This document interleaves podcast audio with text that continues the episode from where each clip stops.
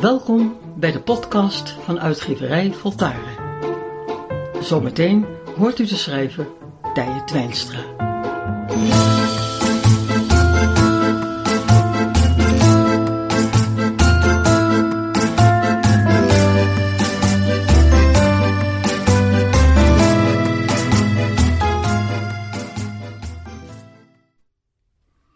Oké, we leven. We hebben plannen. We gaan het maken. We zijn slimmer. We nemen een andere weg, veel korter. En dan? Een partner?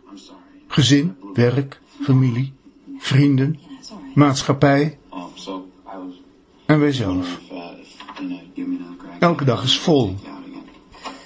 We willen veel. Er goed uitzien bijvoorbeeld. Goede spullen. Vorm van onmisbaarheid. Nuttig in ieder geval. Zekerheid. En ook geen zekerheid, juist niet. Het onbekende. Avontuur. Vrijheid. Mystiek. Maar ook overzicht. Controle. Alles. Waarom niet? We zijn jong, kunnen alle kanten op. De wereld is van ons. Moet kunnen.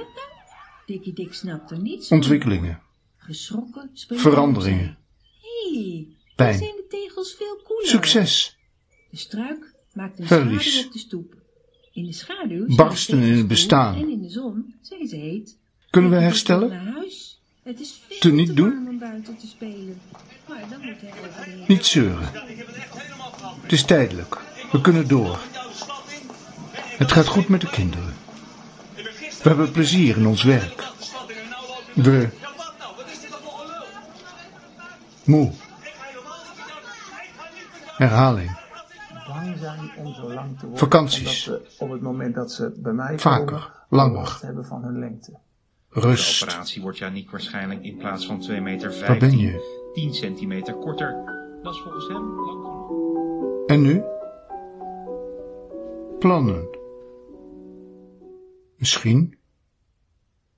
Eerst maar eens heel lang slapen.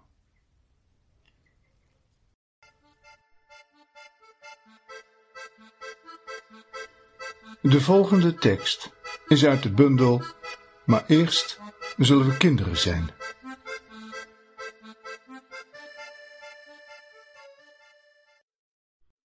Margje. Margje de merel zit op haar nest. Onder haar zachte, warme verenbuik liggen vier prachtige eieren. De mooiste die ze ooit heeft gezien.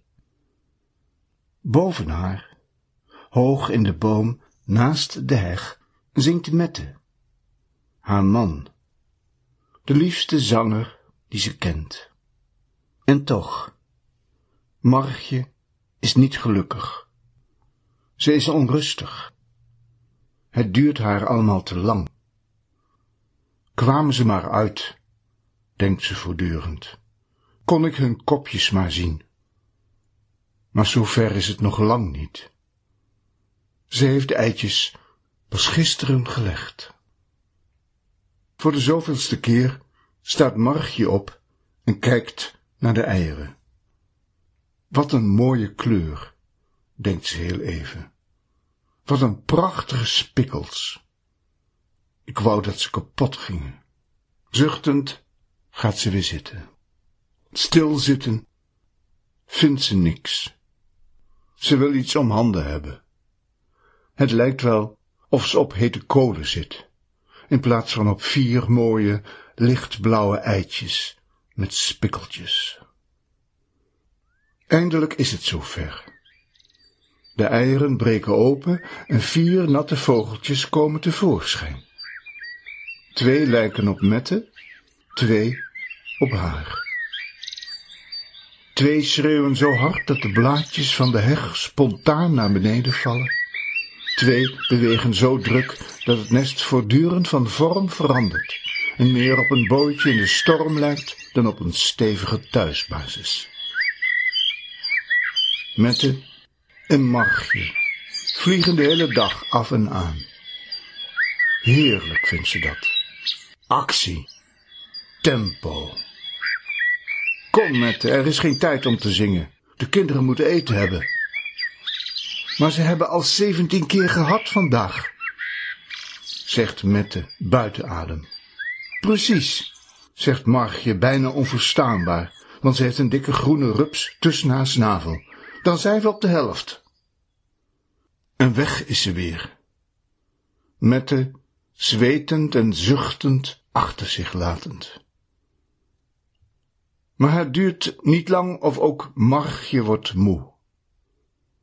Waren ze maar vast groot, denkt ze steeds vaker. Dan kunnen ze voor zichzelf zorgen en heb ik de tijd weer aan mezelf.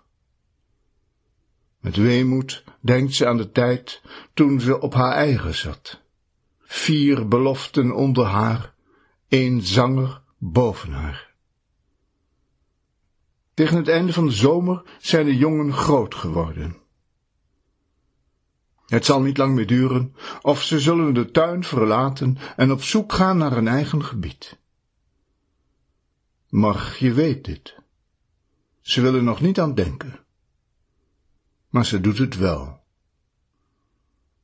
Wat zal het stil zijn straks, piekert ze dan. Geen geroep meer, geen gezeur meer, geen ruzie meer, geen gedoe meer. Waarom kijk je zo bedrukt? roept Mette van boven uit de boom naast de heg.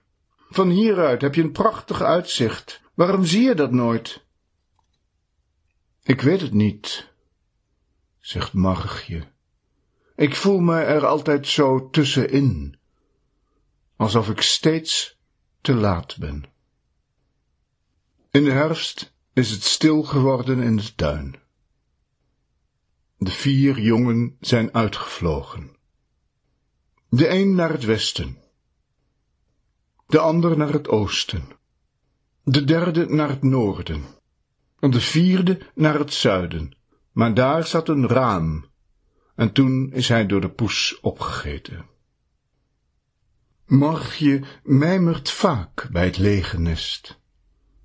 Wat was het mooi, zo op die eieren. Wat een rust, wat een vrijheid, wat een heerlijke tijd om de toekomst te maken. Daarna vliegt ze even over de tuin en denkt ze aan de zomer, waarin Mette en zij als gekken heen en weer vlogen. Wat een leven, wat een samenwerking, wat een geweldige vangsten, en hoe snel hebben we die kleinen groot gekregen. Dan loopt ze nog een keer door het gras. Het gras waar haar vier kinderen zo vaak liepen en na haar riepen. Margje, kijk niet zo somber, kom spelen. Dan gaat Margje naar de boom naast de heg. Boven haar zingt Mette. Het is het lied van de herfst, onder haar de stilte, de stem van de naderende winter. En in haar voelt ze een diep besluit. De volgende keer zal ik erbij zijn.